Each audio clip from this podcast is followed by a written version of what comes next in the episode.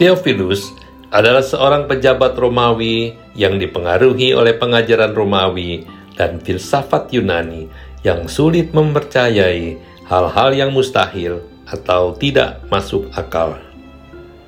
Menghadapinya, Lukas memulai kisahnya dengan pemberitahuan tentang kelahiran Yohanes Pembaptis. Lukas memulai dengan kisah keluarga Sakaria dan Elizabeth yang bergumul karena belum memiliki anak hingga masa tua mereka. Padahal mereka hidup benar dan setia di hadapan Tuhan di tengah kemunduran rohani orang Yahudi di bawah pemerintahan Herodes yang diktator dan korup.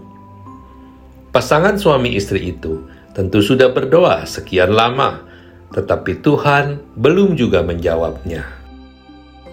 Meski demikian, Sakaria tetap percaya dan setia melayani Tuhan.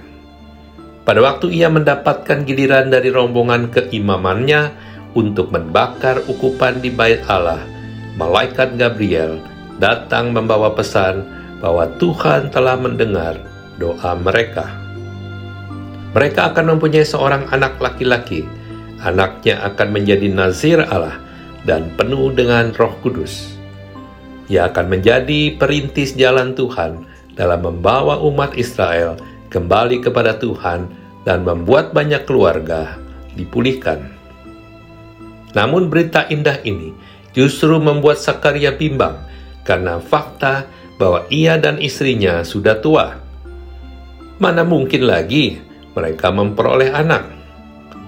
Maka Sakaria pun harus membayar harga untuk ketidakpercayaannya pada perkataan malaikat. Ia tidak percaya bahwa tidak ada yang mustahil bagi Tuhan. Ia lupa akan apa yang Tuhan pernah lakukan terhadap Abraham dan Sarah pada masa tua mereka. Akibatnya, ia menjadi bisu. Namun, ketidakpercayaan Sakaria tidak membuat Allah menarik perkataannya. Beberapa waktu kemudian, Elizabeth pun mengandung. Untuk dapat mempercayai Allah dalam segala hal memang tidak mudah. Meragukan jawaban Tuhan terhadap doa-doa mungkin juga pernah kita alami.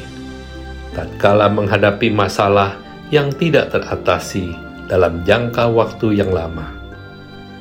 Banyak orang Kristen telah meminta sesuatu kepada Allah, namun meragukan atau tidak mempercayainya akan jawabannya. Sungguh ironis jika kita berdoa tetapi tanpa memiliki iman.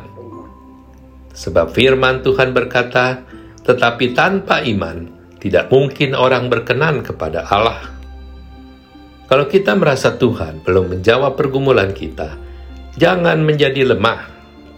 Tetaplah percaya dan jangan bimbang. Percayalah bahwa jawaban Tuhan selalu tepat pada waktunya, bahkan melampaui perkiraan kita. Ketika ragu, nyatakanlah iman kita dengan mempercayai diri kepada Tuhan.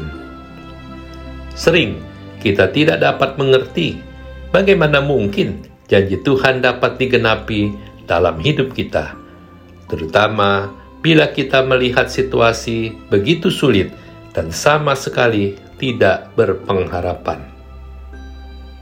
Hati-hati, rasa pesimis ini justru dapat memacu kita untuk menolak mempercayai kebenaran. Saudara, waktu kita menghadapi kemustahilan dalam hidup, khususnya menghadapi tahun-tahun mendatang yang diprediksi ekonomi dunia akan gelap akibat krisis, tetaplah berharap karena tidak ada masalah yang terlalu besar bagi Tuhan. Selamat tahun baru. Tuhan Yesus memberkati.